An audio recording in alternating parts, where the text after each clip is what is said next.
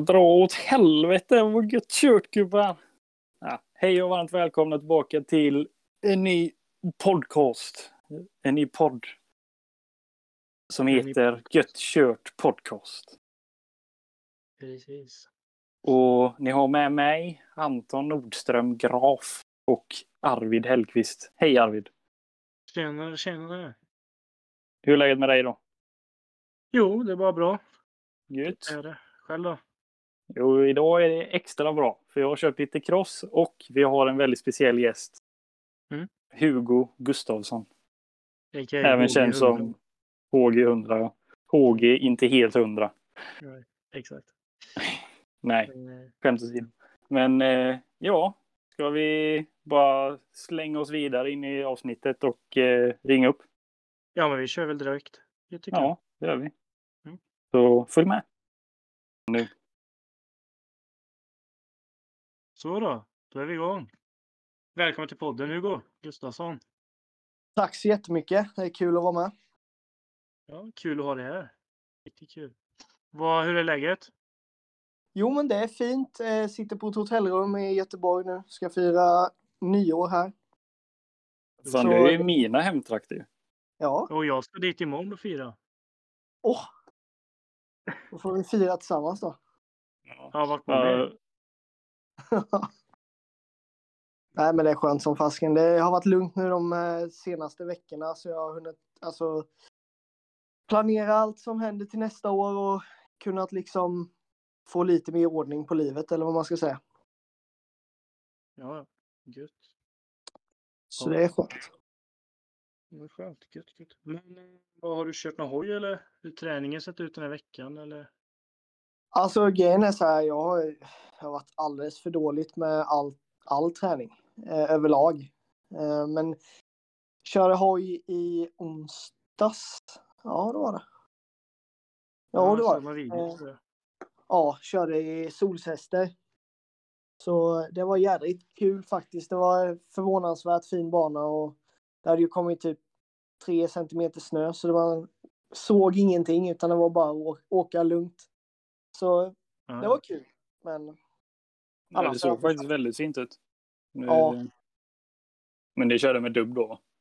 Ja, jag körde, jag eh, körde med dubb, men sen så hade ju, jag var, hade med mig Lukas Falkbrink. Och Mm. han eh, körde utan dubb. Så det var lite halt för honom kan vi säga. Ja. Men det såg ut att gå bra ändå. Ja, ja, det var, det var inga större problem. Det var bara att ta... Så Ja. ja. Så länge det inte är några isfläckar så är det skitsamma egentligen.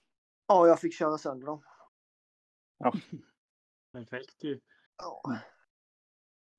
Ja, nej men jag tänker vi kör igång med lite, ja, det blir inte fem snabba utan det blir ju, ja vi kör några snabba frågor helt enkelt. Det är Bara Ja. snabba svar. Så. Eh, ålder 26 år. 26. Du är ifrån, Eh, jag är nere från Växjö, Småland. Yes. Favorit eh, eller band?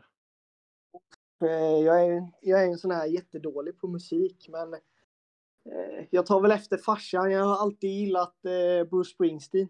Eh, tycker han, eh, all hans musik är bra. Men jag lyssnar på det mesta. Idol inom, ja, kan vara cross eller ja, vad som helst. Mm. Jag har ju typ, jag ser väl lite mer som förebild, men jag har ju eh, James Stewart, har alltid varit min idol på det sättet, eller vad man säger. Och sen så eh, under det här Youtube, när jag började med Youtube så har det varit Buddery Films. Ja.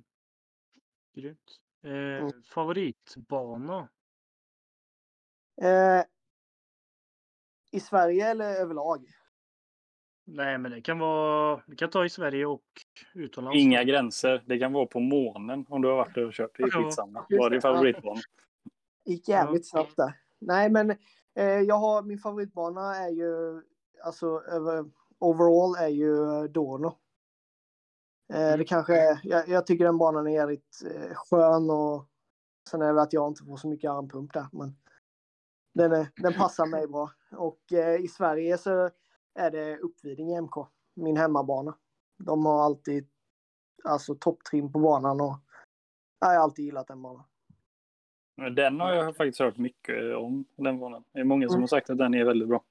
Ja, Mm. eh, det var ju några år där den var ju riktigt nedkörd och de inte tog hand om banan. Men vi har ny, nytt blod i, i klubben nu som verkligen tar hand om banan och ger upp hoppen och ja, den är alltid safe liksom. Mm. Ja, det är bra att det finns någon som, som orkar med det, eller vad man ska säga. För det krävs ju mycket, mycket tid som sagt. Ja, för fasken. Och det hade varit en bra bana att ha SM och sånt på, men eh, vi har tyvärr för lite, för lite eldsjälar eh, för att göra sådana grejer. Så det blir typ ett Mm. KM. Men eh, Ja. har ni inte någon klubb i närheten då som man kan göra något samarbete? Eller någonting? Jo, eh, alltså ja, jo, det har vi. Vi har fruktansvärt många klubbar i närheten eh, som har kört SM och även VM liksom förr i tiden. Men eh, när, man, när, det, när det, det blir det här lite, ni vet att när man kommer med ett förslag så blir det så här, ja fasken det gör vi. Eh, och sen så blir det bara att nej, det blir, det blir för svårt, det går aldrig. Ja. Mm. Så ja, det, det är ju så i klubbarna tyvärr. Ja, det är ju det. Alltså, det är också det är för många som klagar. Alltså, det, det finns... Ofta så är det alltid några få eldsjälar som verkligen brinner och försöker driva framåt. Men det är så... Det är, tyvärr är det fler som står bredvid och säger nej men det går inte eller nej så får vi inte göra eller ja, liksom bara för att försöka trycka ner. Och då blir det ju att de här eldsjälarna tröttnar och så skiter de i det. Ja, och sen så är det ju faktiskt så att eh, man måste se framtiden och man måste se hur saker och ting funkar typ nu för tiden och inte hur det funkade för 15 år sedan. Eh, Ja. Exakt. det är det som håller bak många klubbar också att de som har suttit länge och är eldsjälarna som gör jättebra jobb för klubbarna. Eh, de sitter och stänger ute alla andra ifrån nya grejer liksom. Ja, det är också. Så det är, Så det är ett problem. ja. Så det, Ja, den, den eh, viktigaste frågan då. Eh, favorit eh, Nocco? Ah, backa. Vi kan inte supporta Nocco i den här podden. Jag är sponsor av. Latitude 65. Så det här går inte. grill, kan vi säga. Okej? Nocco är, Nocco, jag smakar faktiskt Latitude och de är, det är fint, men en är ju liksom top notch. Så, ja, eh, det kan jag hålla med om. Ah, du har inte ens smakat dem Arvid. Så du kan inte säga någonting. har inte du smakat dem? Nej, inte de, eh, vad heter de? Latitude heter de. Nej, de har jag inte Ja. smakat. Jag får få smaka av Anton, men jag har inte, och jag har inte hittat dem heller där jag bor eller någonstans. Jag vet inte. Nej, det var Jag får leta polare på i. Stockholm som, som gav mig. Så jag fick smaka. Ja. Men eh, till frågan. Eh, Cloudy Soda är min eh, absoluta favorit. Eh, Mm. Sen så nu, nu de nyare smakerna har ju faktiskt eh, levererat riktigt bra. Så att, men eh, Cloudy Soda. Yes.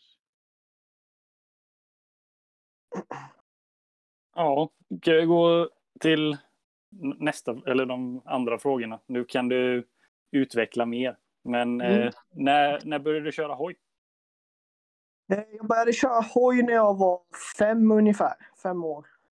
Eh, och eh, det började med fyrhjuling som det har gjort oss många. Och sen så sa mamma och pappa till mig att du får inte köra motor, alltså får inte köra tvåhjuling förrän du kan cykla. För jag var väldigt sen på att börja cykla. Och så tog det mig typ två dagar så började jag cykla och så fick jag köra motorcykel. Så, så det var då jag började allting. Så ja, fem år. Ja. Hur... Eller har du haft några uppehåll när du har kört eller har du bara kört hela tiden? Ja, du... eh, om vi bortser från eh, skadeuppehåll som har varit en hel del. Så har jag alltid kört. Alltså jag har aldrig eh, eh, tröttnat på det så. Jag har alltid Nej. kört motorcykel. Men hur har... eh, Alltså har du bara kört för att ja, men det här tycker jag är svinkul, det här gör jag bara som en hobby? Eller har du haft som inställning när du var liten eller senare att ja, men jag ska försöka ja, bli proffs eller försöka leva på detta? Ja, alltså eh, när, när vi började det är så här, min familj är ju inte, har inte kört cross. Det var min mamma som tyckte jag skulle köra cross. Eh, och hon har ingen, ingen bakgrund i det överhuvudtaget heller. Men eh, så, så vi var ju helt, helt nya på det, så började jag köra eh, crossskolan och allt det här. Eh, och sen så började jag köra när jag var på 65 så körde jag de här Sydkuppen hette det. Eh, det är ju bara typ Skåne och, och Småland. Och var tävlade där lite, lite lätt liksom och jag var rätt så bra med i, i resultaten och så. Och sen så var det väl egentligen farten och så som, som har kommit. Det började ju inte komma förrän jag var ja, äldre, liksom när jag började kliva upp på 85 och har kört 85 några år. Ehm, så, så brytpunkten när vi verkligen började satsa hårt, alltså hårt, det var ju när jag, när, ja, det, jag bröt ryggen 2010 i en startkrasch i, i Tranås.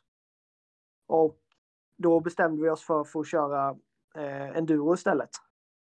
Och sen året efter därvid så hade jag, tog jag USM-brons. Och efter det så har jag bara velat bli, ja då, då blev det så att ja, men nu vill jag verkligen satsa på det här. Men eh, sen så har det alltid varit lite till och från. Jag har ju alltid varit den där som har, ska man säga, gått min egna väg och velat göra saker på, på det sättet jag kan liksom. Så satsningarna har väl varit lite till och från men sen så har det varit att jag har inte sett några hållbarheter i det. Just med ekonomi och, och vad det ger mig att göra det. Eh, och det var ju där allting... Så, så satsat har jag alltid gjort.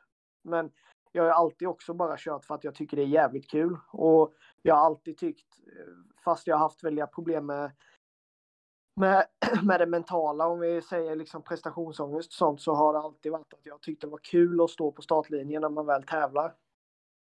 Eh, men eh, till svar på frågan att jag har satsat, det var när jag blev, när jag var runt 14, 13-14 år som jag kände att jag hade något att ge liksom. Eh, mm. Och sen, sen, blev det bara enduro eller så. Ja.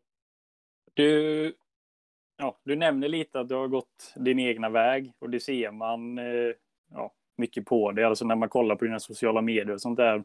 Du mm. är, ja, du skäms inte för att sticka ut. Du vågar ja, gå utanför boxen, vilket gör att du också får väldigt mycket uppmärksamhet. Mm. Men varför ja, ville du börja med Youtube och Instagram och sociala medier och så? Eh, det var ju startskottet från det här var när jag, när jag skadade mitt knä 2017. Eh, det var då jag kom på idén att jag ville börja med, med Youtube och, och börja filma lite och så. Eh, men hela grejen är egentligen att eh, när jag började tänka på det där så var det först att jag var lite rädd för att göra det för att det var ingen annan som gjorde det. Och då, då gick jag i, liksom så här, i valet och kvalet att ska jag följa strömmen och fortsätta spendera alla mina pengar och tävla SM och EM och det här tills jag är eh, gammal räv eller ska jag göra någonting som jag verkligen tycker är kul och något som jag verkligen liksom brinner för. Och då blev det liksom så att ja, men jag började med Youtube lite lätt, med sociala medier och för de som har följt mig en kort tid, eh, de ska ju veta att de första åren så det var, det var liksom inte några visningar, det var inga likes, det var inga följare. Eh, jag var ju liksom nobody som bara försökte göra lite videos och så. Det var inte så att det bara small till om man ska säga så. Eh, utan kämpade på och sen så har jag väl bara sett att det finns så mycket mer i att, att kunna sociala medier och att Eh, liksom leverera på sociala medier. Det, det ger så mycket mer möjligheter. Eh, och det är väl därför jag har stannat där och därför jag går min egna väg och, och sticker ut liksom. Och sen så märker jag ju det också, eller jag har märkt att i början, eller det, vi kan bara gå tillbaks två år sedan så var det inte många som, eh, alltså om vi tittar på tävlingsförare som satsar fullt ut och så, så var det väldigt många som ja, jag tror de hade agg mot mig liksom att, att jag inte gjorde det som alla andra gör med att tävla och sådana grejer utan jag fick visningar och jag kunde börja coacha folk fast jag inte hade några SM-medaljer eller ja, sådana saker. Så jag, jag, det är lite därifrån det bygger att man på, på det där lilla, hur ska man säga, inom situationstecken hatet så har det ju blivit en, en motivering till att bara fortsätta för att bevisa att, att det är något som, som är lyckat liksom. Så... Ja, du, du, du tar upp lite nästa fråga. Eh, mm. För du, eller svarar mycket på den också. Men när man försöker sticka ut och göra något annat, då kommer det ju också hat. Och ja, du svarar ju att du, du känner att du har fått lite. Och jag, ja, jag som har varit med alla de här personerna runt om, man har ju också hört att de har haft lite agg mot dig. Alltså just för att du gör någonting annorlunda. Ja, ehm. ren, ren avundsjuka är det. Ja, precis. För att de inte klarar av att göra samma saker själva. Nej. Uh, och därvid ska jag faktiskt uh, ge en stor eloge till dig Anton, för du har ju du har ju steppat upp mycket med sociala medier det senaste. Och liksom till de förarna som har välkomnat mig när jag varit på ESM-depån och sådana här saker. Eh, jag är jättetacksam för att, ja, bara, bara som dig till exempel. Liksom så här, det, det betyder ju mycket för mig att, att liksom, ja, de fattar, eller hur säger man? De har börjat förstå förarna och de har börjat se att, att man inte man kan inte, i dagens läge så är det svårt att få sponsorer på enbart resultat. Man måste få, man måste ha något att presentera också. Och, och det ser jag att du liksom har, har stuckit ut med och börjat med Youtube och har börjat med att leverera på liksom Instagram och TikTok och sådana saker. Oh, jag, jag gör mitt bästa. Men ja. eh, det, det är svårt att få ihop det med en crosssatsning också. Jag ja, gör ju all träning och sen så meckar jag med hojarna och allting själv. Jag kör till banan själv. Jag är oftast och tränar själv också. Då är det ganska svårt att ja, hinna med att ta upp kameran också när man ska göra en kvalitativ träning. Men det är mycket av det varför jag försökt börja med det är just för att jag har kollat på dig. Alltså mm. för, lite som du säger, för två år sedan när du började växa ganska mycket och komma fram. Då så, första gången man liksom såg på dina sociala medier och på dig så tänkte man ja, men vad är det här för, ja, inte något illa men alltså man, vad, är det här för person liksom, vad, vad håller han på med? Typ ja. lite så. Och sen klickade för mig och bara, men fan, han är ju han har ju fattat exakt vad man ska göra. Han har ju gått helt rätt väg. Han är inte i toppen i SM, men han får dubbelt så mycket uppmärksamhet som personen som vinner SM får. För att ja. du gör det på rätt sätt. Ja, jag kan ju säga så här när jag började med, när jag slutade med att tävla och började satsa helt på sociala medier så jag har ju mer och bättre samarbetspartners nu än när jag tävlade. Så det, ja. det är lite komiskt. Ja, det är det verkligen. Det, jag, jag, märker lite det också när jag försöker söka sponsorer och försöker få samarbeten och sånt där. De skiter ju fullständigt i hur bra du är på att köra motorcykel. De vill ju bara se hur de kan synas, om man säger så. Och det gör de ja. via sociala medier. Ja, exakt. Och jag vill inte vara... Alltså, jag vill inte vara elak mot dig eller mot er som satsar i SM, men sen så måste man också tänka det, hallå, det är SM. Det, ja. det är ju bara SM liksom. Och företag kommer inte tjäna pengar på att du, du vinner SM, utan de kommer tjäna på att du syns ut till, till breda helheten. Och det är där vi, man måste öppna ögonen lite och det är där jag ser som du, liksom att du, du börjar lägga ut, du börjar, när du slänger feta whippar och du, du liksom gör de här sakerna, det är det som är uppmärksamhet, det är det som ger. Ja. Det, det är det verkligen. Jag bara... Nu får inte Arvid prata så mycket, men jag ska vara den sista innan han får ta över. Ja, men typ, jag tror det var två år sedan eh, så la jag ut någon video när jag skrubbade i Red Sand. Ja, mm. la ut den på Instagram. Jag tror på min sida fick den ja, närmare 100 000 visningar. Något sånt. Mm. Och sen så såg jag bara hur många olika sådana här stora sidor började reposta den också. Eh, Och då var jag också, jag hade precis kommit hem från Spanien och så ja, skulle jag träffa mina kompisar på MC-mässan. Och så var du där. Och så Mm. sa du, jag kommer inte ihåg, typ nya skrubbkungen eller någonting. Jag Ja. kommer ihåg att jag bara, ja, ja, tack, typ. Fan, Vi- fan visst- vad visst. roligt. Jag visste inte vem du var. Jag bara, vad, vad tänker han på nu? Jag, jag hade inte reagerat på då att den här videon hade gått så viralt och att ja, folk ja, hade sett den. Så sätt. Ja.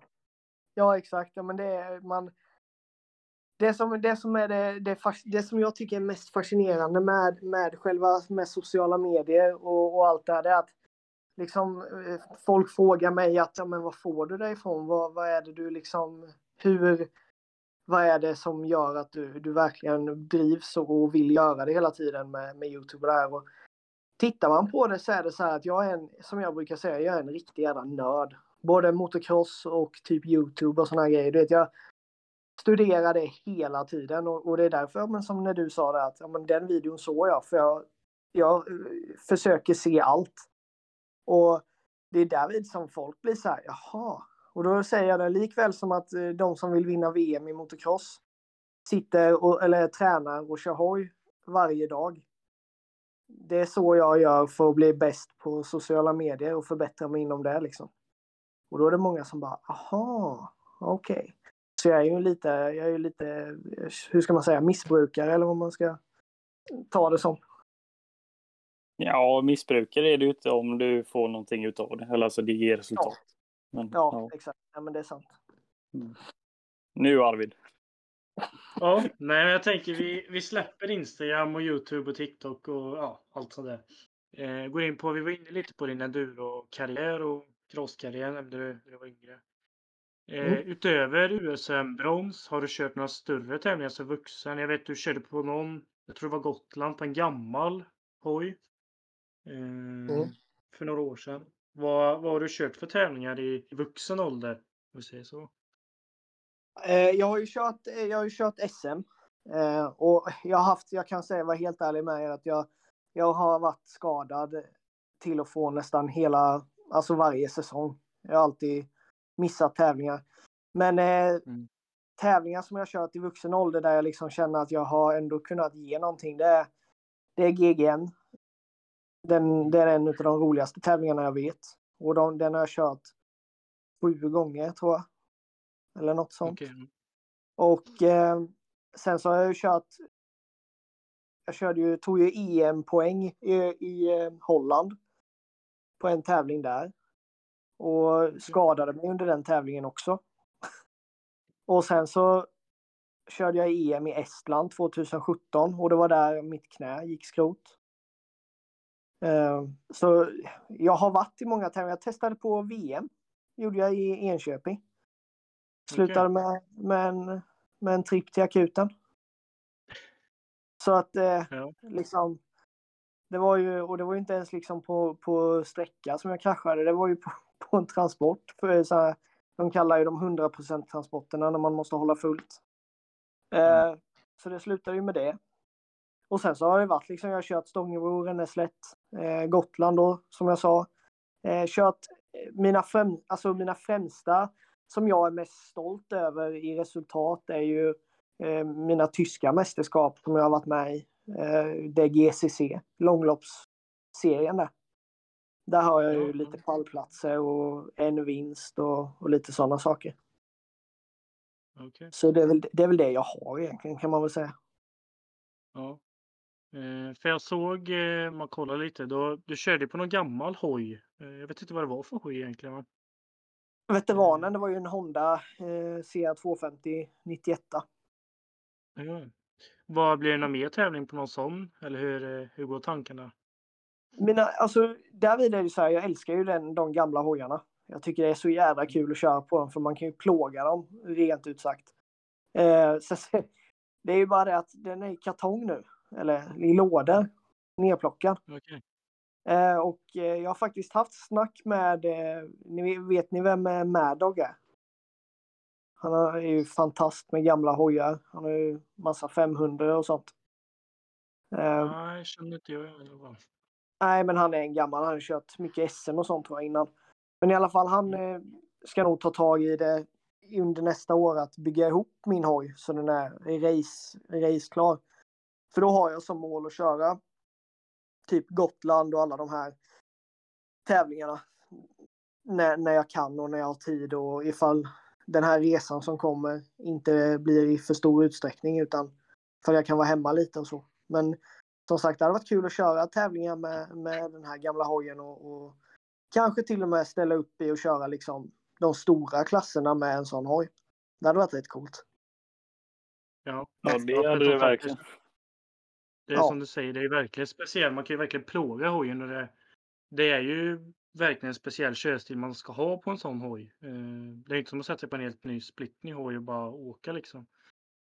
Nej. För jag har testat några själv och varit också sugen på att testa. Jag vet Stångebro hade väl också någon sån här veteranklass. eh, Mm. Man kanske skulle testa på bara för, för skojs skull då. Eh, Ja, Men jag körde jag- ju Stångebro ju. Gjorde jag ju med den där Det gjorde jag. 360-jamman. Såg ni det? Ja, just det. Ja, precis. Jag la ut det på Youtube. Det var, Ja. det var mäktigt var det. Det var kul. Det var fin bana för de hojarna också. Så det kan jag Ja. varmt rekommendera vid att köpa en sån bike och, och köra med. Ja, jag har en bekant nämligen. Han har ju gamla hojar liksom och får testa dem och det är kul att köra på dem. Mm. Eh, Det, det kanske man får testa på. Det, det är ju som sagt, Ja. Stångebro är ju bra för det är ju tre dagar och olika klasser. Exakt. Eh, Så jag tror även eh, veteraner går på fredagen och vi elit kör ju söndagen så det kanske man passar på att testa det. Ja, och det bästa är i veteranklasserna, du hinner inte bli trött. Det är en timmes körning liksom. Inte, Ja, ja, okej. inte ens det, tror jag inte. Det men låter det ju svinbra. Ja, det är bara fullt, fullt, liksom bara hålla stumt så länge det går. Så, Ja. men det, får ta, får ta på en kavva så kan jag också köra. ja men alltså det borde ni, det är ju en sån sak som är jävligt skön för både Youtube och de här sakerna med ju. Filma sånt. Det är ju svinkul. Och, Mm. och sen så är det kul med att kunna slappna av lite. Ja, min lillebror eh, älskar sådana gamla hojar och eh, ja, älskar att mecka. Så han eh, håller på och kollar och ska köpa någon och vill köra veteran-EM och sånt där. Då kan man ju sno den och köra någon tävling. Ja men vad fasken, du, din chef är väl, eh, han borde väl veta några sådana hojar. Eh, ja, det bör han. Ja, så det borde inte vara så svårt att hitta. Nej. Så det, ja, det rekommenderar jag. Gamla hojar är jävligt kul och det är kul att motbevisa gubbarna också. När de säger så här, ungdomen kan inte köra på dem. Och så bara, ja det är bara att det inte är lika mycket kraft. Det är liksom, händer inte så mycket. Nej. Det, ja, det är kul. Ja, jag tänkte vi skulle gå in lite på, du håller ju på eh, utöver din ja, Youtube, eller det är väl ihop med Youtube också, coaching. eh, Du håller på Mm. med. Är du där på heltid eller hur, hur får du ihop det? Eh, alltså det, det är ju så här att ibland så går det ju, ibland så kan jag ju få ihop en månadslön på, på det. Eh, och det beror ju på vilka säsonger det är och efterfrågan.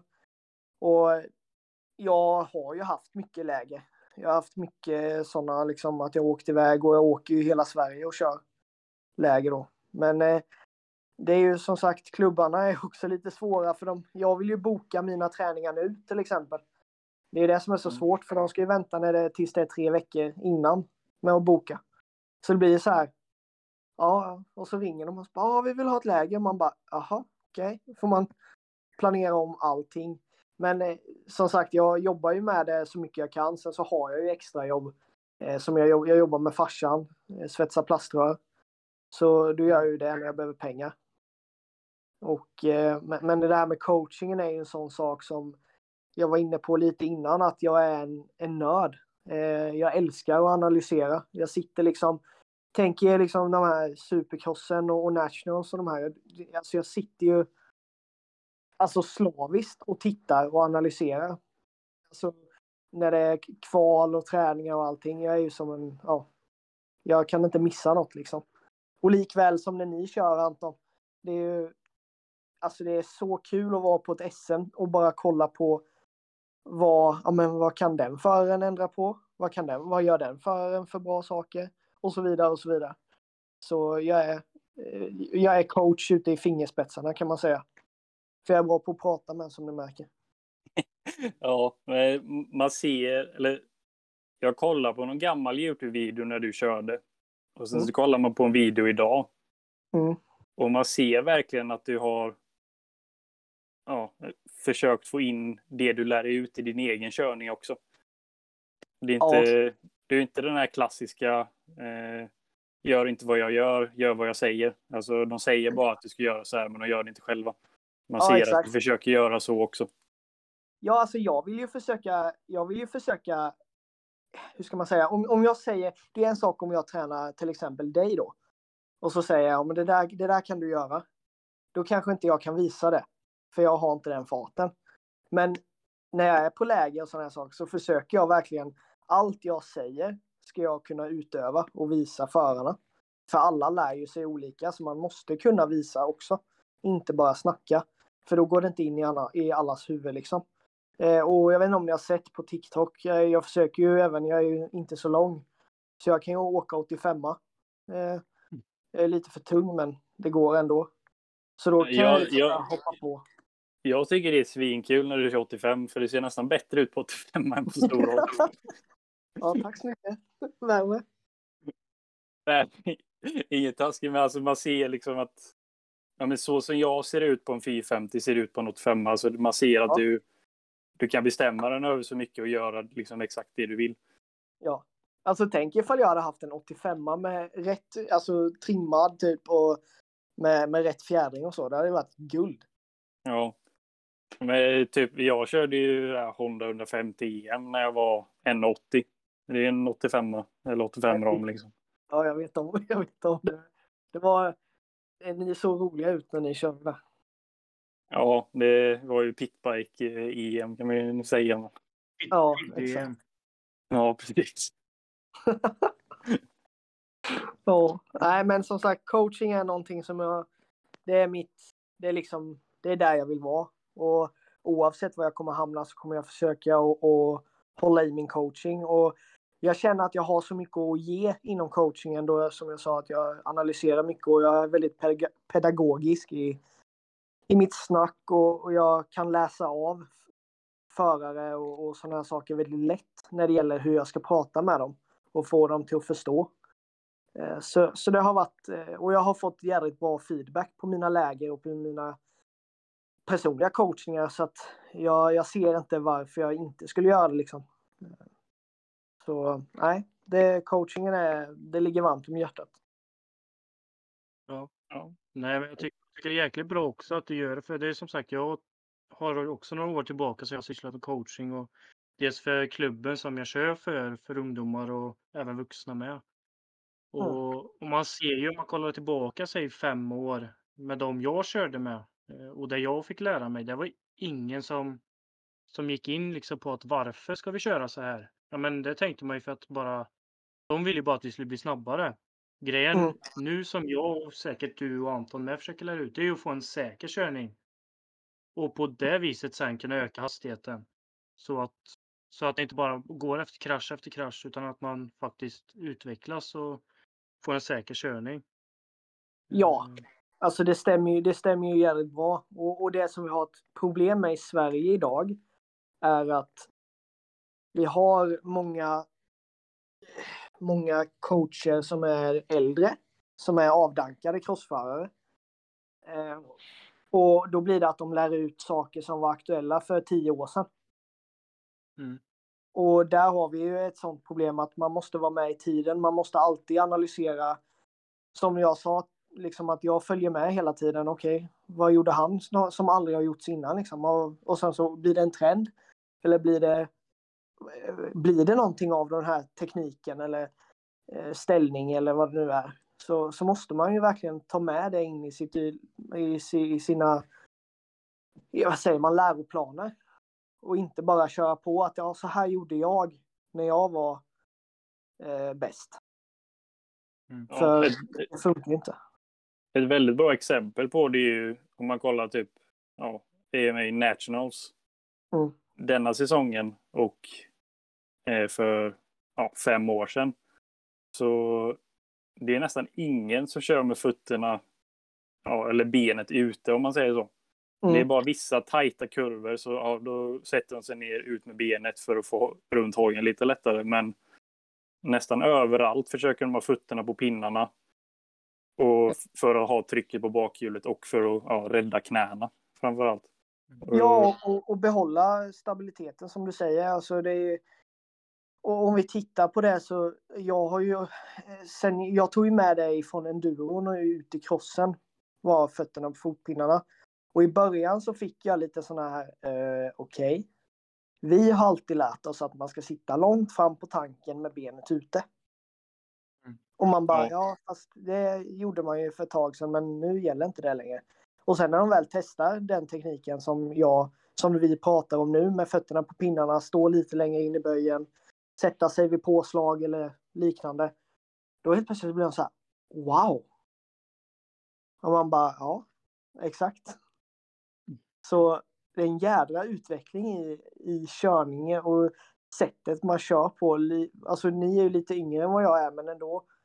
Fasken, det, på, bara på tio år så är det Alltså det är sjukt hur mycket saker som ändras. Bara sådär liksom. Ja, ja verkligen. Sen, eh, nu, var, nu glömde jag vad jag skulle säga. Ja, skitsamma. Arvid, ta över. Ja, nej men som sagt, det tycker jag verkligen du ska bara fortsätta med. Och det behövs ju, alltså, vad ska man säga? Det, det är väldigt viktigt att det finns någon som, som gör det och, och jobbar med det. Sen är det många som sagt som man har känt själv att ja, men han är så dyr, varför ska vi ha han? Jo, mm. men det finns väl en anledning till att han kanske är dyr. Det, ja. det är så. Man kan inte, det är som vilket jobb som helst. Man kan inte jobba gratis längre. Det funkar inte så. Det... Nej, ifall du är duktig på det så ska du inte göra det gratis. Exakt. Du vill ju ha betalt för dels ska du ta dig dit och du ska ha liksom en utbildning för dem du, du tränar och allt. Det är såklart. Och så kan ja. få, få något tillbaka. Ja, men så det... är det ju. Sen så, sen så har ju jag börjat glida ifrån nu. Jag har ju... Eh, jag försökte ju lite så här. Jag vill ju vara med mycket i, eh, i de här satsningarna och, och bli utveckla mig som coach eh, med landslag och, och sådana här saker inom enduron och jag hade Bjerket, bra kontakt med honom och jag ville verkligen ta mig uppåt på stegen därvid. Men eh, det är mm. också det att jag är ju ganska ung om man tittar på coacher. Så där hade jag ju ett, ett stort problem att om man nu ska vara helt ärlig, nu säger jag det här officiellt och det är att Svemo stängde ute mig liksom. För att de var fast i det här gamla groovet. De ville inte ha in nytt blod utan det var verkligen bara det här att ja, ja, okej, okay. vem är du? Du har inte vunnit några SM-guld.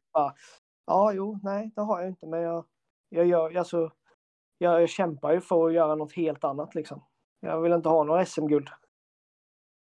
Eh, och det är därvid som är grejen med coacher, är att jag, jag tycker jag supportar alla som är bra coacher som vi pratar om nu, för vi behöver det inom svensk motocross.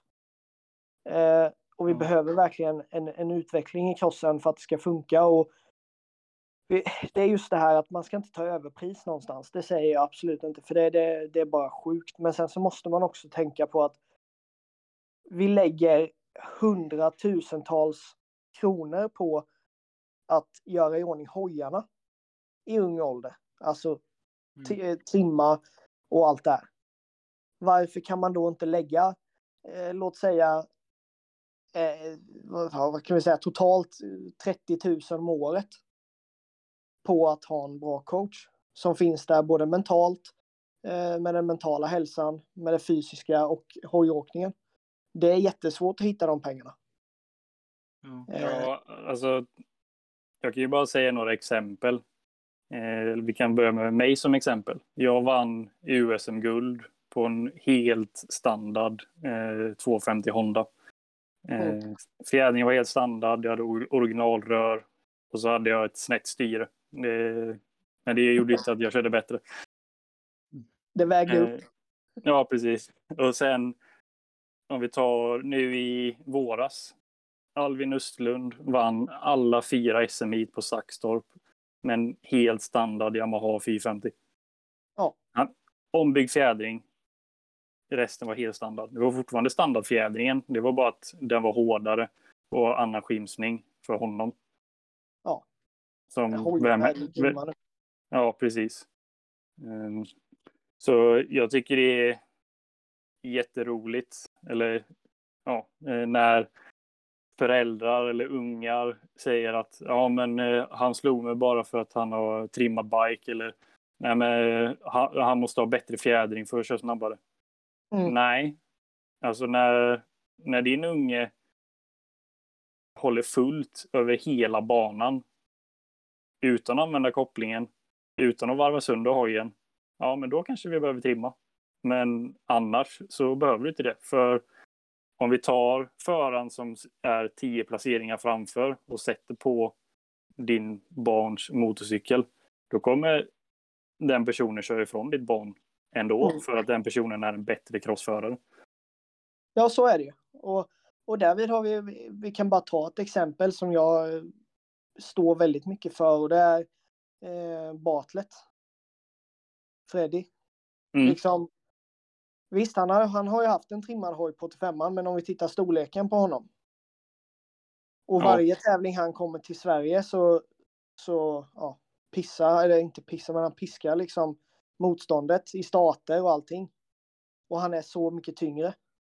Men om vi kollar på hans teknik och på hur han kör så finns det ingen som kan jämföra sig med honom.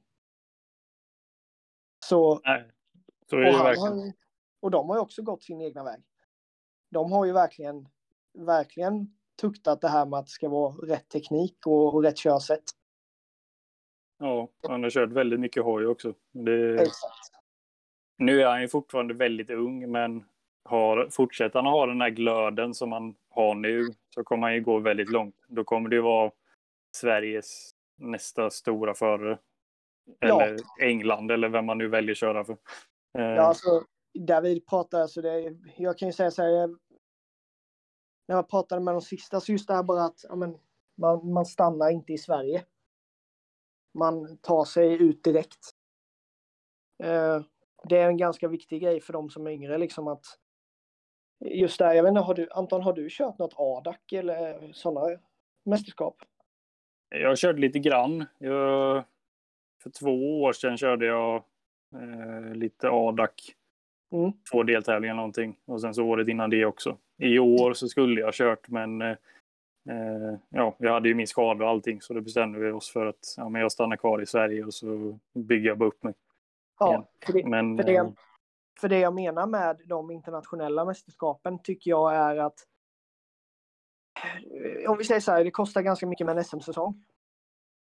Eh, och sen så kollar vi på vad det kostar att göra en A-dagsserie till exempel. Ifall vi slår ut det på vad det kan ge och göra bra resultat i A-dagsserien så väger det upp ganska mycket.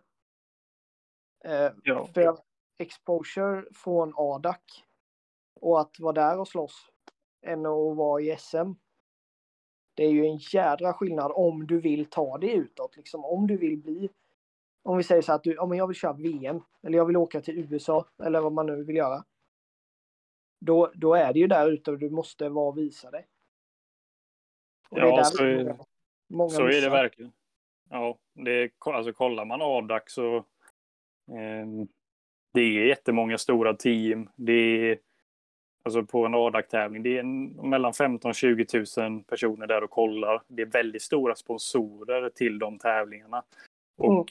nu har jag bara kört dem under covid, så nu har det inte varit någon publik och så vidare. Men vad det är vanligt, ett normalt år så sett.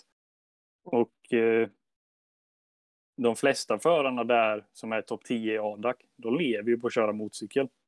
Och ja. de kör ja, lika bra eller sämre eller lite bättre motorcykel än mig. Men jag kör i Sverige och får betala för att köra motorcykel istället. Medan de får betalt. Så det är en jättestor skillnad. Men det är som många säger. Typ Cade nu. Han sa det, det, när vi pratade om det med det här med Sverige. Så sa han till mig så här, det, det är sjukt. Hur mycket talang Sverige har när det gäller enduro och motocross. Men det finns, det är typ ingen som, som tar den talangen och lyckas göra någonting med det. För att här i Sverige är det liksom så här, det enda vi får höra här är att det är en för liten sport. Det finns inga pengar. Eh, och jada, jada, jada. Grejen är ju det att det finns ju pengar och det, den, den är inte, om vi tittar till folkmängden, hur många vi har i Sverige som kör så är det ganska bra procentuellt. Alltså så. Hur många vi har som, som verkligen är på hög nivå. Eh, ja, så, så är det. Alltså, jag har sagt det hela tiden att vi i Sverige, vi har jättemånga duktiga förare. Alltså kolla SM, det är, det är bra startfält. Men vi har inga toppförare. Och det är för Nej. att vi fastnar. Ja. Eh, ja, också för att det finns inga pengar. Alltså SM, du vinner 3000 kronor om du vinner en SM-deltävling. Mm. Det räcker till dieseln. Men sen så kan Pontan, Pontan göra ett race och tävla ut 30 000. Ja, precis. Det är alltså helt sjukt. Det är ett jävla stubbrace liksom. Ja, varför kan inte alla, varför kan inte, låt mig säga nu då, varför kan inte Svemo göra så? Ja, vad, det... vad är det som är problemet? Det, alltså, det stämmer inte överens med verkligheten enligt mig i alla fall. Och för Pontan gjorde ju det ganska klart där att det går. Ja, ja det gäller bara att ha lite alltså, driv och få fram sponsorer som man kan. Sen finns det väl säkert pengar i Svemo, men säger man att det inte finns, ja men då får man väl försöka lösa det på annat sätt och få in pengar via sponsorer eller vad mm. det nu kan vara. Allt går ju att lösa liksom. Det, så är det. Ja, det finns ju andra sporter som lyckas med det. Ja. Som man inte ens lägger märke till egentligen.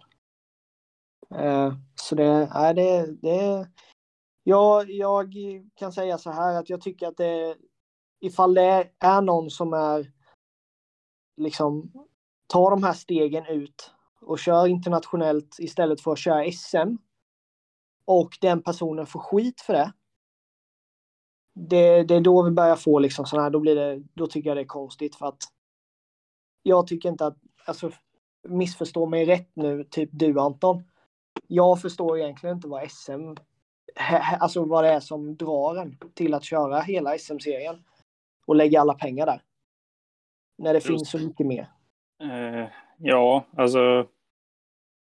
Största problemet är ju att alla SM krockar med ja, exempel ADAC.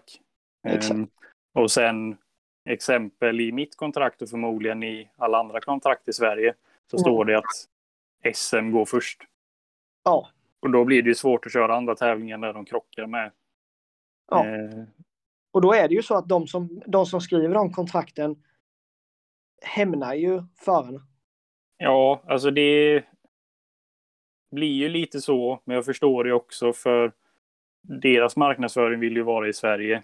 Eh, sen så finns det också den sidan att ja, men går den personen utomlands och gör bra ifrån sig där, ja, men då sprider sig ännu mer. Det finns ju alla sidor. Ja, vi kan ju bara säga så här om du åker utomlands och du lägger ut på TikTok, Instagram, Youtube eh, på dina produkter från eh, ja, dina samarbetspartners då. Det är ju fler som kommer kolla på det än om du gör exakt samma sak i Sverige. Alltså när du kör SM till exempel. Ja, förmodligen. Det, ja. är det så. Ja. Nej, det, det, det, är ett, det är ett hav, är det. Och det finns så mycket som måste egentligen lösas. Och det enda som hindrar det är egentligen för att folk inte vågar prata om det. Ja. Folk följer ström, eller folk ska vara Eh, nu menar inte jag förare i sig, utan jag menar hela organisationer. Att det ska vara så linjärt med hur Sverige är. Hur det ska vara. Liksom. Det finns ingen som vågar ta ett hopp och, och säga att nu är det så här. Inte på det viset, utan det bara fortsätter tugga och tugga och tugga. Eh, och man märker att folk är irriterade, men samtidigt händer det ju ingenting. Nej. Eh, nu måste vi ta en snabb paus. Vi är snart tillbaka. Ja. Så, då är vi tillbaka från eh, pissepausen. Eh, tänker, ja, jag följer dig på sociala medier, kollar lite och sånt där. Och jag ser att du, ja, du tränar mycket, du bygger ganska mycket muskler. Eh, min fråga är, varför gör du det istället för att kanske fokusera på träning som gymmar, eller gymmar, gynnar mc-körningen mer. Det, det var, någon... vad, vad sa du? Det var en bra fråga. Ja. Eh, ja, men kortfattat så är det ju så här att jag är ju en, jag är en bondunge liksom. Eh, vet, jag vände balar när jag var liten. Det var det jag höll på med. Och forade djuren. Eh, men jag har alltid varit den korta killen som, all, alltså som har muskler. Jag behöver inte träna, utan jag har en muskelmassa från början. Och jag är jävligt stark, om jag får säga det själv, utan att jag liksom har tränat för att bli stark. Eh, och, och, som du säger David, varför inte träna så det gynnar crossen på så sätt? Och det, det enkla svaret därvid är väl egentligen att jag har ett, ett ganska stort intresse för att eh, lyfta tungt. Jag tycker det är kul.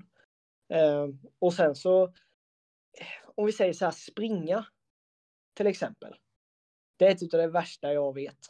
Alltså det, det är nog, det, det, är nog, det är nog topp ett av det värsta jag vet. Det är att springa. För jag tycker det är så jädra tråkigt. Eh, men sen så cyklar jag mycket MTB och sånt. Eh, när jag väl reser på sommaren och sånt så cyklar jag mycket MTB.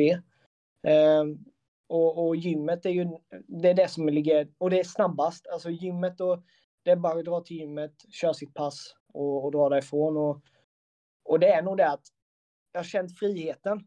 För att när jag inte tävlar, när jag inte satsar på att köra cross, då kan jag göra vad fan jag vill. Rent ut sagt, sorry ordvalet, men då behöver jag inte träna så, för jag kan ändå ha kul på banan. Eh, visst, här, jag hade nog eh, velat vara, vara mer uthållig på banan, men det handlar nog mer om att jag kör för lite hoj, helt enkelt. Men som sagt, det, jag tycker det är den friheten att göra exakt vad jag vill. Eh, det, det, är nog det som gör att jag, men då kan jag lika gärna bygga på, på bickarna och, och bli stark liksom. Och sen så kan jag köra hoj och tycka det är kul också. Ja, bänk, snus och Nocco. Det är väl det de flesta går efter. Exakt, fast jag kör, det är marklyftet som är min starka sida. Så det får vara ja. där. Men det, det var min första tanke bara när jag såg det. Sen så exakt det du förklarar när man tänker en extra gång. Då fattar mm. man ju, ja men han tycker det här är roligt. Eh, och allt det här och han satsar inte. Han, ja, han ska ju ja. göra det han tycker är roligt och kanske få lite mer uppmärksamhet. Ja, alltså, ja. du, du, behöver ju inte göra de här mördarpassen, intervallträningarna och långa distanspass. För du är coach och du ja, egentligen influencer om man kan säga det så. Alltså du ska ju få följare och uppmärksamhet. Sen ska du göra det som du tycker är roligt. Ja, ja exakt så är det ju. Så, så det, som, det som jag tycker är det, det som, mitt motto är att bygga ett liv där jag tycker allting är kul. Eh, och när jag inte har, ifall jag hade satsat hårt till exempel, då hade jag behövt springa. Jag hade behövt göra de här äckliga eh, intervallpassen. Eh, allt där. Men nu försöker jag bygga ett liv som, som får mig att ha friheten till att göra exakt vad jag vill, hur jag vill, när jag vill. Eh, och visst, det, det kommer väl med lite press där med och lite stress, men det är inte på den nivån. Utan jag försöker alltid ha kul med det jag gör. Ja, det, det låter som eh, ja, väldigt bra inställning. Det är så jag ja. försöker göra också. Ja. I mitt liv. Det är, ja, alltså. Jag, jag, de här mördarpassen tycker inte jag är sådär jätteroligt, men jag mår så jäkla bra efteråt och jag det som jag tycker är roligast och det som gör att jag mår bra är när att jag ser att jag blir bättre och ja, nå mina mål. Så ja. sätt. Sen Men så... du, du har en hunger. Ja, precis. Liksom. Och det, det är bara positivt allt sånt. Mm. Arvid, din tur. Ja, nej men eh, då har vi släppt det ämnet lite också. Tänkte vi skulle gå vidare på uh, lite om du hade tänkt. Ska du tävla någonting nu framöver? Kommande år eller hur, uh, hur ser det ut? Har du släppt hela den tiden bakom dig och tävlat eller? Jag säger alltid så här när jag går in i ett nytt år så säger jag alltid att ja, jag, ska, jag, jag tävlar om jag tycker det är kul. Alltså så här, om jag mm. hittar en tävling som är så här, ja men det där är fan kul, ja men jag kör jag. Men nu är det ju så här, eftersom jag har det här med att jag ska iväg eh, och jag vet inte i vilken utsträckning det blir. eh, beroende på hur allt går. Eh, men som sagt, jag, jag går alltid in med det och, och som, som du sa där, det kan nog vara så att jag har släppt den tiden bakom mig. Liksom. Det, jag har tävlat, jag har gjort det. Eh, och det, jag är lite förbi det, men samtidigt så är det jävligt kul. Typ som jag gjorde nu förra eller detta året så gjorde jag ju bara, körde lite stubbrace. Och Mm. hade enormt kul. Och då är det liksom så här, men jag kan tävla lite sådana tävlingar typ och köra de här veterangrejerna. Det hade varit jättekul. Åka över till Tyskland, köra någonting där om man är där liksom. Det hade varit kul att göra det med. Allt, det, sådana saker hade varit kul. Men samtidigt att, som vi alltid har problem med, dagarna är för korta, veckorna är för korta och, och åren är för korta. Så Mm. ja, man måste bara trycka in allting.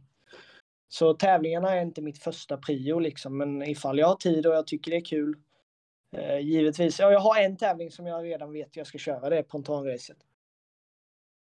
Ja, det blir nästa år igen då. Ja, Arvid, för i helvete, nu måste du köra. ja, det. Jag tyckte... Du, du nämnde lite i början av podden att du eh, hade lite problem med mentala, eller alltså prestationsångest och sånt inför Mm. tävlingar. Och jag märkte verkligen det när jag kom fram till din buss där under pontanracet. Jag Ja. tänkte, ja men det är Hugo, han är alltid god och glad och jag tänkte bara komma dit och köta lite skit. Men du var he helt väck. Du var bara borta. Du var, Ja. jag, jag fattar, vad, vad är det som händer? ja. Nej, det, jag var så jädra nervös under det. Alltså jag vet inte, alltså det var, det var sjukt. Eh, men ja, det största, alltså det var ju så här. Sen blev jag bara förbannad för när, när det började ösregna. Ja, det jag- var synd. Alltså. Då var jag så här, alltså, allting blir förstört. Allt är blött. Allt, bara, ja. ja. Nej, fy fasiken. Så gjorde jag startkrasch i sista finalen. Nej. Eh, men som, som du säger David, jag hade med det här med det, med det mentala så har jag alltid haft ett problem med, med, med prestationsångest och det är därför jag, det är också en sån sak varför jag älskar att vara en coach. För att jag ser hur mycket det behövs och jag ser vilka som har problem med det. Eh, och det är många förare som man inte tror skulle höra av sig till mig och snacka om sådana här grejer som, som gör det. Eh, och, och liksom verkligen fråga hur, hur man ska bli av med det. Och det jag har lärt mig om prestationsångest är att det försvinner aldrig. Det är bara någonting man måste lära sig att hantera och ta hand om på bästa sätt. Så att det inte hämnar ens prestation liksom. Ja, jag har haft väldigt mycket problem med det. Eller inte... Det har varit lite till och från så här. 2021 var verkligen något år där jag hade problem med prestationsångest. Jag Ja.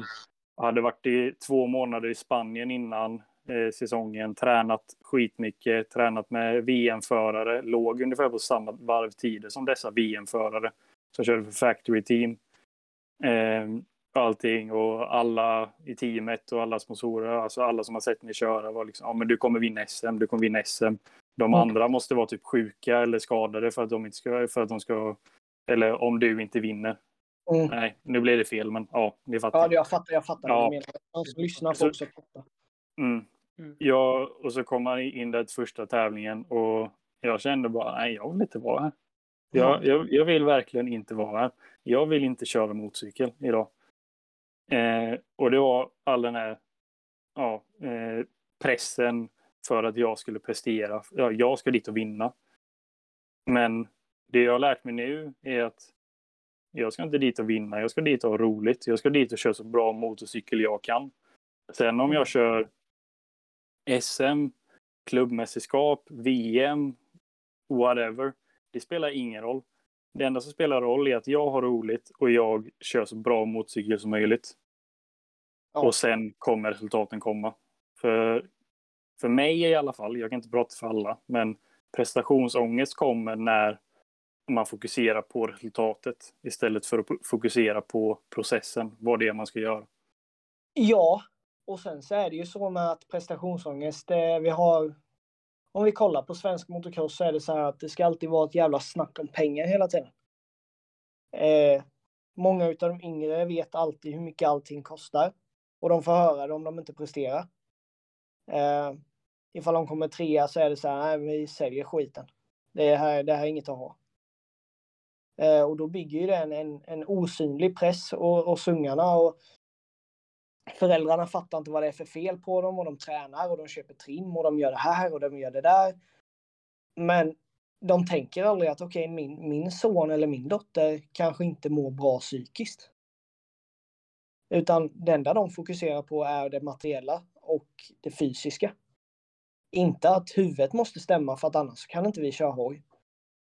Varför kan ja. vi inte köra när vi har hjärnskakning? Nej, för att det stämmer inte upp i huvudet. Nej, precis. Det är ju huvudet som styr allting.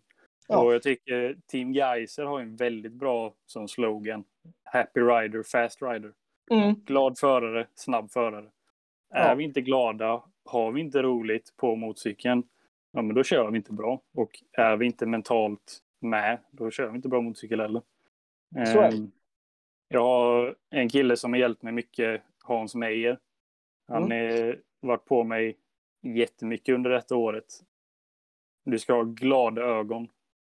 Jag ska se att du är glad och när han har varit med mig och han ser att den här att jag börjar bli för seriös eller jag börjar liksom få den här prestation, prestationsångesten. Då börjar han direkt på mig och liksom börjar skoja med mig och försöker få mig att le bara med glada ögon. Mm. Och då släpper det och helt plötsligt kan jag köra bra motorcykel också. Ja, så är, så är det ju definitivt. Och, och ni, du är helt rätt ute där vid Det tycker jag har märkts eh, under, under året med på dig. Att om man tittar på i depån så är det ungefär det är du som är den som, som är den mest avslappnade på det sättet.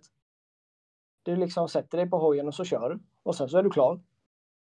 Många av de andra förarna, det är fan en, en ritual alla har.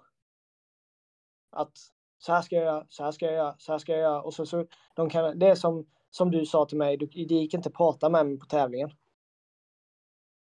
Det är där det blir så att eh, liksom prestationsångesten, du bygger ju den själv. När du bara är för inramad liksom. När det bara ja. är som är fokus. Precis. Eh, jag har ju... Ja, 2021 var ett väldigt bra exempel på det året där jag var en sån inramad person under ett SM. Eh, mm. Och det vet Arvid också. Han sett det jättetydligt. Alltså, jag har mina små, eh, vad ska man säga, ja, ritualer. Ja, men jag måste lägga skorna rätt och så jag måste göra detta rätt. Jag måste, jag måste göra detta i rätt ordning för jag ska tävla. Och det, det är bara liksom små saker. Och sen så när Arvid försöker prata med mig så är jag dryg och ja, svarar rätt taskigt. Det liksom, ja. Men det är ingenting jag menar. Det är bara att man, ja, den här prestationsångesten kommer och man, eh, man tar det för, för seriöst. Alltså, det, vad är det vi håller på med egentligen? Vi kör motorcykel för att det är roligt. Ja. Det, jo, visst, vi kan krascha och skada och, och sånt där, men alltså, vi gör bara detta för att det är roligt. Vi lägger alla de här hundratusentals kronorna för att vi älskar att köra motorcykel. Ja. Och då är det det enda vi ska fokusera på och ha roligt också. Ja, självklart. Och jag menar, nu är det så att som jag, som jag sa innan, det är ju bara SM. Alltså, vi mm. kör inte för att tjäna pengar. Än så länge. Här. Det är en sak om man, visst man ska ta det kul när det är för att tjäna pengar med, men sen så är det ju så med det som Cade förklarade för mig att motivationen blir en helt annan grej när man tjänar pengar. Alltså motivationen, det blir kul. För att man vet att man får pengar. Så att det blir mm. kul då. Och då gör man det kul för att man ja, älskar det så mycket. Ja, Men här alltså... i, Sverige, om det går dåligt, då är det... Ja, vad har du för positiva grejer då? Du lägger pengar på det, det går dåligt. Eh, folk är, ja, är sura på dig för att du inte presterar.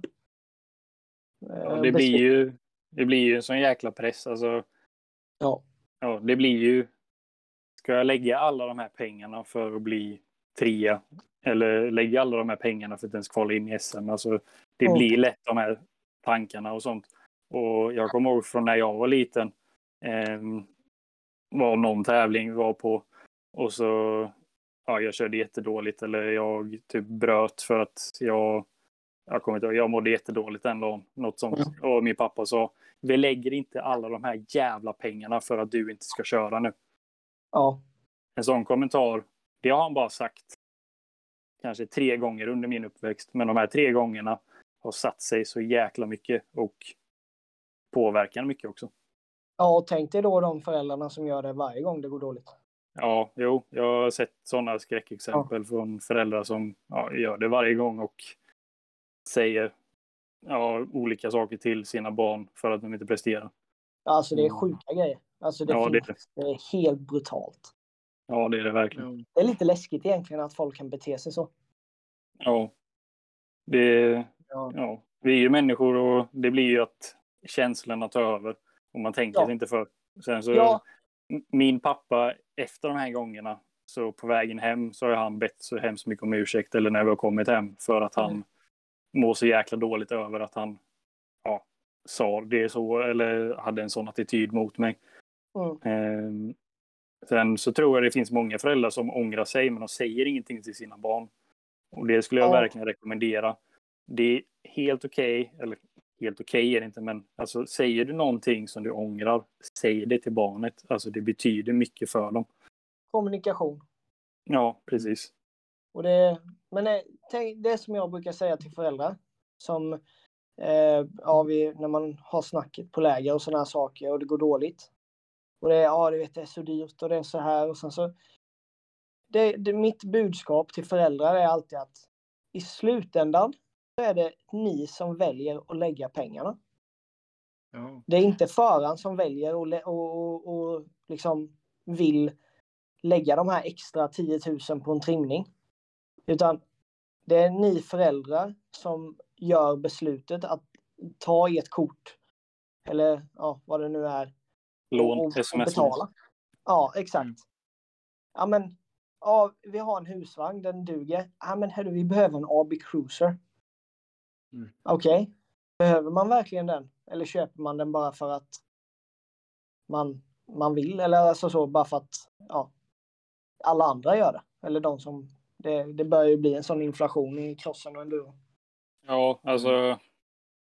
Om vi säger så här, om vi kollar på de två sista SM-deltävlingarna i år. Mm. Då hade vi min buss som strula. Den gick in i något säkerhetsläge hela tiden. Vi fick stanna, hålla på att stänga av och starta igen för att vi ska komma fram. Eh, och ja, bara massa problem. Den är lite sunkig och sådär. Vi kommer till SM, vi ställer upp. Vi har mycket mindre tält än vad vi brukar. Men jag körde så bra motorcykel jag kan och gjorde de bästa SM-heaten och de bästa SM-tävlingarna jag någonsin gjort. Om vi kollar tidigare under året och vad vi hade då. Ja, men då hade vi en stor teambuss. Vi bodde på hotell, vi hade stora tält. Ja, men jag körde inte bättre motorcykel för det. Nej, Det fi- finns ju många som säger att ja, men att stå i ett stort VM-tält gör två sekunder. Det är ju självkänsla eller ja. ifall du kan hantera. Ja, kanske. Men jag har stått i ett sånt stort VM-tält. Mm. Jag körde fan inte snabbare för det. Jag tyckte bara det var jobbigt. Eh, Alltså, inte så sett. Alltså, jag tyckte det var jättekul att stå under det här tältet och så och eh, folk kom fram. Men jag... Ja, alltså, det spelar ingen roll för mig. Alltså, så, så är jag som person. Jag kan inte prata för alla. Men Mm. jag, jag är ju bara där för att köra motorcykel. Jag skiter ju om vi har världens största buss eller världens minsta buss som det precis får plats en hoj. Det är Ja. skitsamma. Så länge jag kanske inte behöver stå i regnet så bryr jag mig inte. Nej, men det är ju så det ska vara. Ja. Ja, det har Eh. man märkt, eller jag har märkt det väldigt mycket när man har varit, ja, när jag var yngre då. Jag åkte på en ja, gammal RM85 som skramlade liksom och vi hade aldrig någon, vi körde med ja, bil och släp då. Mm. Eh, Jag tränar så ja, en gång, två gånger i veckan max. Eh, Kommer till tävlingar och de killarna som jag tävlar emot, de har tränat. Då var vi liksom, ja, säg 10 år, 12 år. Mm. De har tränat fem, sex gånger i veckan. Två nya hojar rullar ut. Det är bussar, det är tält. Och... Men ändå när jag kom till tävling så körde jag ifrån dem. Och det som är tragiskt, som jag såg flera gånger, det var att ja, en 12-åring kör inte den bra motorcykel. Då får den, ja, exempel springa ut hela vägen till stora vägen som kan vara 2-3 kilometer från Ja. banan för att den inte har presterat. Och det är helt... Så ska det inte vara, speciellt inte för en, en 12-årig kille liksom. Det är helt... Nej, Ja. och, och, och alltså det, det är återigen som vi pratade om innan där vid med pengar. Det är så här Mm. att det är, i slutändan så är det föräldrarna som väljer att lägga pengarna. Och det, det folk måste förstå, eller det föräldrar måste förstå, det är att barn är jävligt duktiga på att sparka sig själva. När de inte Mm. presterar sitt bästa. Och om de inte mår dåligt, om vi säger så här, det har gått dåligt, men föraren mår inte dåligt, den är nöjd. Då är det för att han, har, eller han eller hon har gjort sitt yttersta för att göra det bra. Men ibland är det ju bara så att man har en dålig dag. Och, och det går inte bra. Och då måste man ju bara acceptera det också. Ja, Och- alltså, Ja, vi, vi är ju människor. Vi, barn är människor också, så de vet ju när det har gått dåligt eller när det har gått bra. De kanske, men vi säger de var med i en startkrasch eller någonting, dålig start, men de körde jättebra Mm. när de kom på en sämre placering än vad de brukar. Mm. Men då ska man lyfta att, ja men shit vad bra du körde. Inte, ja, men du blev bara ja, den här placeringen. ja. Det, är, det är bara att titta på, jag bara kan ta, eh, Digan gjorde ju inhopp i, i National-serien där ju. Mm. Eh, Hayden Digan där. Och folk var ju, ah, man bara läste de här liksom kommentarerna. Liksom bara, ah, inte ens topp 10. Och han var helt kass, han kraschade bort sig och bla bla bla bla bla. bla. Ja, men han är liksom, han är en liten kille som precis har hoppat upp från Supermini. Och sen så ställer han sig på ett startfält med världens, en, några av världens bästa förare. Och han är liksom 11. I, Ja. i, i mål. Jo, är det så fy skam? Nej, det är inte fy skam. Han är, ja, han är 16 år gammal och tävlar Ja. mot Christian Craig som är 30 eller vad han är. Ja, men alla är ju inte som, eh, som Roxen till exempel. Nej. Som bara kunde hoppa in och sopa gatan med VM-förarna. Det, det funkar inte så. Det är ju en, en av alltså, miljoner som det är så. För vissa är begåvade liksom på det sättet. Ja, Men, verkligen. eh, nej, det, det är mycket, men eh, vi, man kan ju säga så att i slutändan så måste föräldrarna lära sig att, att eh, ungarna har så mycket mer koll än vad de tror och de vet när de inte har gjort bra ifrån sig och de vet hur de ska hantera det själva. Eh, och det hjälper inte att alltid hälla salt i såren liksom. Det, det gör ju inte att man blir bättre. Inte överhuvudtaget. Det gör det inte. Uh, jag går till nästa ämne. Du nämnde lite innan att eh, du skulle åka iväg och hur länge, du visste inte hur länge du är borta. Mm. Vad är det du pratar om? Vi pratar om USA. Gör vi. Och eh, min plan här nu då är ju så här att eh, vi kan ju börja med, eh, ni som lyssnar, ni kanske vet vem eh, Cade Walker är. Han är ju kanadensare som kom ifrån, han har ju varit och tävlat i Italien, kom över till Sverige och körde för Big Balls MX. Och eh, vi blev jättetajta vänner från början. Och eh, han hade det tufft, ett tufft år. Han visste inte riktigt vad han var. Liksom han, ja, det var bara svårt för honom. Och, eh, jag fanns där som en, en coach och polare och allt där. Och sen så sa han liksom att okej, okay, jag vill åka, nu vill jag åka tillbaka till Kanada, sa han. Och vi lyckades hitta en deal. Så han ska köra både i, i Kanada och i USA. Eh, och det handlar om långlopp. De här eh, cross country-serierna.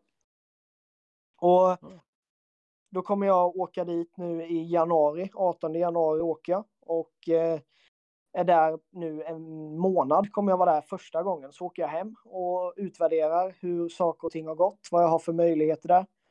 Eh, för jag kommer hålla i Cades eh, sociala medier och hjälpa honom med content. Och även coacha honom när det gäller att få upp ett upplägg med, med, med lite prehab och sådana här saker. Eh, och det är väl så upplägget ser ut egentligen. Det, eh, mitt mål är ju där att kanske hitta lite, att coacha några förare hade varit kul. Och sen då skapa grymt mycket content och, och göra mycket YouTube och mycket till TikTok och sådana grejer. Och försöka få så mycket kontakter som möjligt. Eh, jag har redan lite kontakter som man kan göra lite YouTube-filmer med och så. Eh, vilket är jädrigt eh, spännande och, och, samtidigt läskigt. Men jag känner att eh, om det är någon som ska ta det där hoppet eller det där steget och bara göra det så känner jag att det är jag. Och nej, jag eh, ser fram emot det jädrigt mycket och jag hoppas att jag kan kan vara en förebild för folk som, som eh, i Sverige som ser att man behöver inte alltid börja köra cross och sen så ska det vara full satsning och så, utan man kan lyckas på andra sätt och, och våga ta sig utomlands och våga göra saker som inte andra gör liksom. Så jag är sjukt taggad för det faktiskt. Det ska bli så jädra kul. Ja, fan vad kul. Mm. Eh, men det enda jag har hört från Cade under hela året är att mm. han har sagt Fucking arm pump mate! Fucking arm pump! Ska ja. han köra långlopp nu också? Ja, så är det. Eh, alltså grejen är så här att det, var, det som var eh, som en chock för Cade. Eh, det är ju så här, han har levt på att köra hoj hela sitt liv. Nästan. Det är det han har tjänat pengar på. Och eh, när man ser honom köra en träning till exempel så är man jag kan helt ärligt säga att jag blir mållös. Han är sjukt snabb. Och Ken Bengtsson kan intala detta. Eller han, han, kan, han kan också stå för det. Och eh, så är det så här att han, det vi har kommit fram till är det här att han, han var inte riktigt med på att han skulle riskera livet och inte få något betalt. Han gick ifrån att köra som betald hela sin karriär och sen så nu åker han hit. Och alla svenska förare är jättebra på svenska banor. Och det är som man säger, det är självklart, det är, de är skitduktiga. Men jag skulle inte, alltså, jag skulle inte gå upp på 110 procent och sen så riskera mitt liv för att inte få en krona värd, alltså så. Det är väl det han kom fram till. Och det är därför han har åkt på spänn och liksom, det är därför den inte har stämt för honom riktigt. Så det är rätt kul att han, han, fick, eh, han fick testa på det och, och han hade en ganska bra bild på hur han kände för liksom. Så, men ja, ja, On Pump det var, det var nog huvudämnet av säsongen tror jag. ja, verkligen. Det... Nej, men eh, man ser ju tydligt att han kan köra bra motorcykel. Jag tror det var i Uddevalla han var med och körde han blev trea i något hit eller var med i toppen lite i början där. Han vann ju i Helsingborg. Första hitet. Vann han första hitet? Ja. Okej. Okay. Det missade och det visar ju också på att det var det som var lite kul för jag förklarade för folk liksom att han vann första heatet. Sen har det bara gått ut för liksom under säsongen. Och det är för att han, eh, han hittade inte motivationen till det. Så det var ju lite lite så här, man öppnar ögonen hos folk liksom att man måste förstå att en för en sån förare som har kommit ifrån en situation där han alltid kan tjäna pengar för det han gör. Och sen så helt plötsligt kommer man hit och ja, det blir liksom så här. Ja, du ska köra, du ska jobba nu hela dagarna. Och sen ska du åka och tävla SM och sen ska du hem och så ska du jobba hela dagarna igen. Du vet, han var ju, han var ju som ett, han var ju ja, han var helt utpumpad efter, efter veckorna liksom. Han var inte van för det. Eh, ja, han var inte van att göra sådana grejer liksom. Så det. Nej, det. Alltså kollar man i hela världen så, eller ja, stora delar av världen där motocrossen är större, då förarna, deras jobb är ju att köra motorcykel. Alltså ja. de ska träna och sen så ska de återhämta sig och så ska de träna igen. Mm. Här i Sverige så är det ju, ja, vi ska jobba, vi ska eh, träna, vi ska mecka själva, vi ska, ja, vi ska göra allting själva och så ska vi prestera. Det är inte konstigt mm. att vi inte lyckas komma vidare liksom. När man, är helt slut, när man är 27 år gammal så är man ju helt slutkörd. Det Ja, finns ju inget precis. mer att hämta. Nej, Då, ska man helt, då, är, då är det den här, ska du skaffa familj, skaffa hus, hund, mm, ja, Volvo, Mm. barn. Så det, nej, det, Ja. det, var, det är speciellt. Det var, men det var rätt sjukt faktiskt. Okej, det har varit, eh, vi träffades i Italien första gången när vi var där och körde. Sen så har han varit min bästa vän. Det liksom bara sa klick. Så det känns jävligt bra att göra den här resan med honom och få stå vid hans sida och se vad vi kan åstadkomma liksom. ja, det ska bli riktigt roligt att följa. Ja, ja, det hoppas jag. Jag ska göra det till en eh, till ett äventyr. ja. Men nu ska vi gå över till lyssnarfrågorna. Det kan ju du ta Arvid. Ja, vi har fått lite eh, lyssnarfrågor. Det var väl några som var lite mer luddiga än de andra, men eh, ja, vi kör väl. Jag Vanligt. fick en fråga från, An- Ja, fick en fråga från Anton eh, Högenberg. Han undrar hur eh, öppen är du för sponsorkontrakt och hur funkar ett samarbete med dig? Ja du, eh, upplägg och sådana här grejer, det, det är ju... Menar han alltså att, att ett företag ska hjälpa eller att vi ska gå in i ett samarbete vi två eller är det att jag ska sponsra med coaching? För det har jag fått lite frågor om. Det är ju lite olika. Eh, Ja, nej, Men- det är som sagt, det var det som stod så vi får väl eh, vi får ta det Ja, men, vi eh, vi, uppfattar. vi utgår ifrån att det, är, att det är ett företag som vill hjälpa eller som vill gå in i ett samarbete med mig då. Ja, det blir bäst. Det är Ja. intressant för folk. Ja. Ja. Det, som jag, det som jag alltid... Jag, jag kan ju ge då lite tips. För när, när man är som aktiv förare så skulle jag ha... Då, då skulle jag alltid ha ett eh, färdigt eh, upplägg. Eh, med vad man Mm. kan erbjuda, hur, vad som gäller med logga och allt sånt här. Så de har lite, så att företagen har lite olika er, erbjudanden liksom. Att här har du att välja mellan, vilket skulle du vilja ha? Eh, men sen så nu när jag gick över på mycket sociala medier och sånt som jag gör nu. Eh, då, då jobbar jag väldigt mycket så att jag, eh, hur ska man förklara, jag har ju F-skattare. Det innebär att jag fakturerar företag för att göra jobb åt dem. Eh, och då går jag oftast in i, i de här förhandlingarna eller vad man säger och säger att okej, eh, ni får den här reklamen. Eh, och jag hjälper er, supportar er med er Instagram eller med era sociala medier. Alltså att jag hjälper dem att få ut deras content. Och så fakturerar jag denna summan varje månad till er. Som timjobb. På så sätt så blir det avdragsgillt och allting är korrekt. Det är liksom inget, inget, inget svart, eller vad man säger.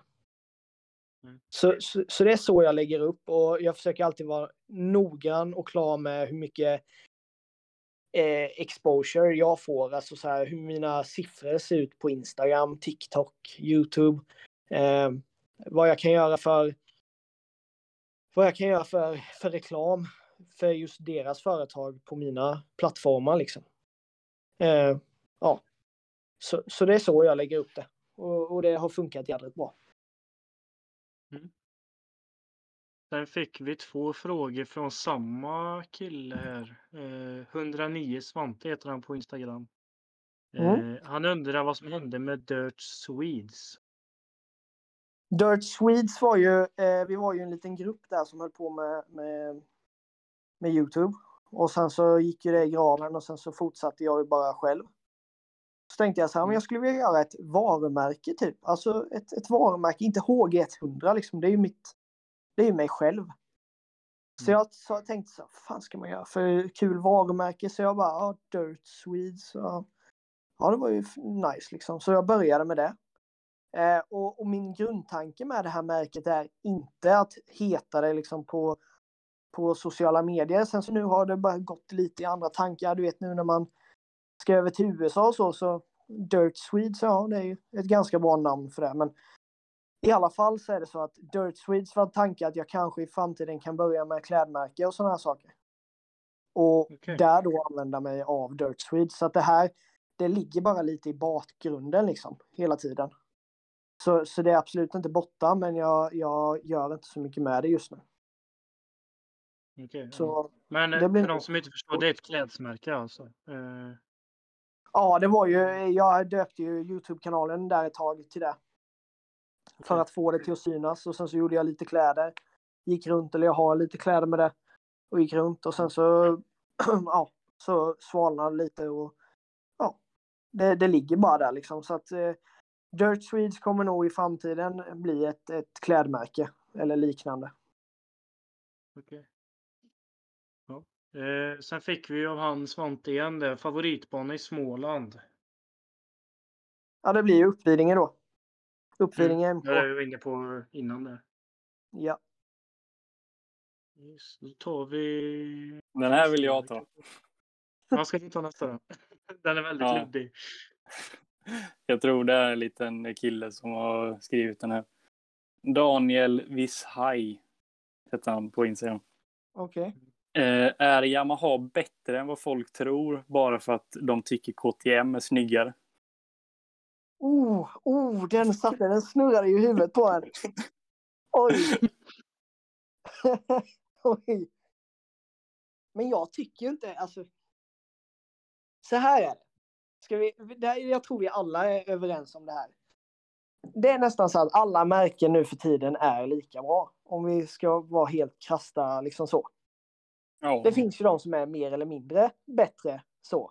Kan vi nog vara överens om. Men Alltså jag skulle säga att de har sina olika områden. Alltså en viss hoj är bättre på detta, en viss hoj kanske är lite bättre på det. Passar den Ja. för lite bättre.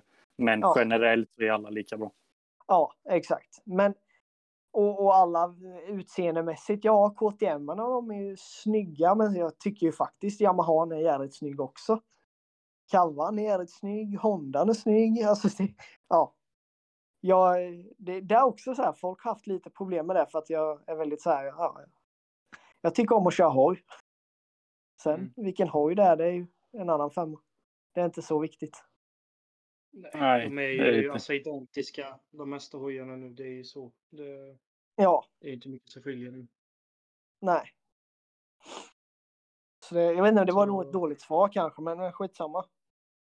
Men det är eh, vi, ja, eller det svarar ju ändå på frågan, men. Eller ja, jag vet inte. Vi säger Jag så här då, folk-. Folk, eh, folk som gillar KTM är ju väldigt frälsta, om vi ska säga så. Mm. Alltså KTM-folk, många av dem är ju väldigt sålda på KTM. Det finns ju inget annat för dem. Tror jag. Eller? Nej.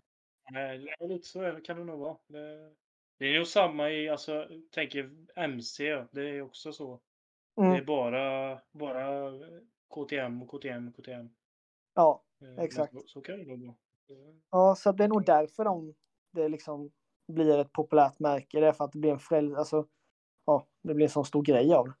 Ja, men jag, jag kan ju bara tänka när jag var liten. Jag körde, ja, jag körde KTM från när jag var tre år gammal till jag var 12 år gammal eller någonting. Mm. Och under hela min barndom var det ju bara, ja men jag ska bara ha KTM, jag vill ha KTM-kläder, jag vill ha KTM, det, Ja. KTM, KTM. Ja. Men Yamaha har också gjort det väldigt bra nu med deras Blue Crew. Ja. Så där blir, de börjar göra lite samma sak. Och Kawasaki har ju sin Team Green så de börjar trycka på mer och de har börjat starta upp ett ungdomsteam där. Så Mm. man ser ju att man behöver ju börja vid ung ålder för att föraren ska fastna. Så sätt. Oh ja, oh ja. Jag var Kawasaki-frälst när jag var liten. Det var Suzuki. Ja. Jag är Kawa nu i alla fall. Ja, exakt. Ja. Ja. Men då, vi kan släppa den frågan och gå Ja. ner till nästa. Yes. Vi kan väl ta, vi kan ta sista tittarfrågan där. Eh, eller lyssnarfrågan är det ju, rättare sagt. Eh, Liam Kvist undrar om det blir Kåsa 2023. Det är så jävla tjat om den här konsan alltså. Jag kan säga det så här, jag har absolut inget intresse för den tävlingen. Jag tycker det är, Det är en så? av de mest överskattade tävlingarna som finns faktiskt. Och det är, för, det är mest, mestadels för att det kostar så mycket pengar att köra det för att förstöra en hel hoj. Ja. Det är väl typ det. Men eh, om du får låna en hoj. Om jag får allt betalt, alltså alla grejer och sånt, lysen och jag får låna en hoj den är preppad och klar. Visst, då kan jag, då kan jag testa. Mm. Ja, så är det någon som lyssnar och har en endurobike och lysen och vill Ja. att HG100 ska köra Kåsan, då är det bara att ringa in. Då gör vi en fet jävla Youtube-video på det. Ja. Det är mer så- fokus på Youtube än att ta sig igenom. Ja, då kör du första timmen och sen så stannar du någonstans i någon buske och så slår du av eh, kedjelåset och bara, Ja. äh, tyvärr, hojen pajar.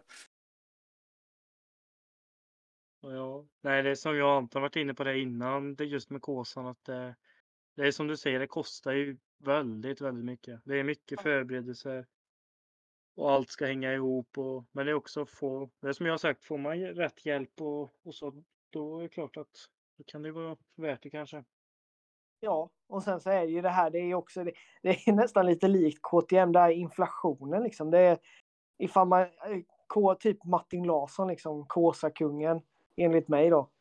Han lever för Kåsan, det är det han liksom, han älskar det. Men det blir lite så här, det blir nästan lite som en sjukdom. Man, Ja. man blir så såld på det liksom att "Ja, Kåsan, Kåsan är så cool, Kåsan, Kåsan, alltså så här. Man var lugn. Det är en, det är en tävling liksom. Det- Ja, ja, det de lägger fasken, det är ju. Alltså det är ju. Ja, jag vet inte hur många timmar de lägger de här som satsar på Kåsan, men timmar efter timmar, alltså det är hur mycket som helst bara för att testa in lamporna lite extra. Man bara, men hade ni inte bra lampor förra året? Kan inte ha Mm. dem nästa år med då? Nej, nej, nej, nej, då ska man köpa nya. Man bara, oj, jävlar. Ja, det är väl likadant med alla sporter. Det är, Oh, ja. Ja, människor fungerar ju så. Vi vill ju, eller människor som vill bli bättre, vi försöker hitta små saker hela tiden för att bli bättre. Ja, Då blir det ju att man blir ja, nästan besatt eller galen. Men jag tror på Kåsan så funderar jag nästan på om man inte skulle ha, ni, vet sådana här fat wheels. Så här, alltså Ah. de här som är typ, eh, vad blir de, 30-40 centimeter breda. Så här som man får bygga om Ja. svingen, ni vet. Mm. Man skulle nästan ha sådana däck med dubb på. Ja, varför inte? Bara flyga över motor. Ja, fy- 500 bara. Ja. Ja. Typ en KTM. Om Då- man sätter sig bara och börjar lyfta i den. Det, Vad sa du? ja, det är jobbigt om man sätter sig och börjar lyfta den där 40 cm breda hjulen. Och, Nej men man flyter ju på. Det sjunker inte Ja. ens. Det bara svävar ju. Ja, det, du kan ju testa det och så kan du göra en Youtube-video på det. Det blir Ja, det faktiskt populärt. det tycker jag. Ja. Nej, men eh, nu måste vi börja runda av. Är det några Yes. du vill tacka? Ja, alltså. Ja, jag, jag kan ju börja med att tacka er för att jag fick vara med. Det var jävligt kul. Eh, lätt att tjata lite.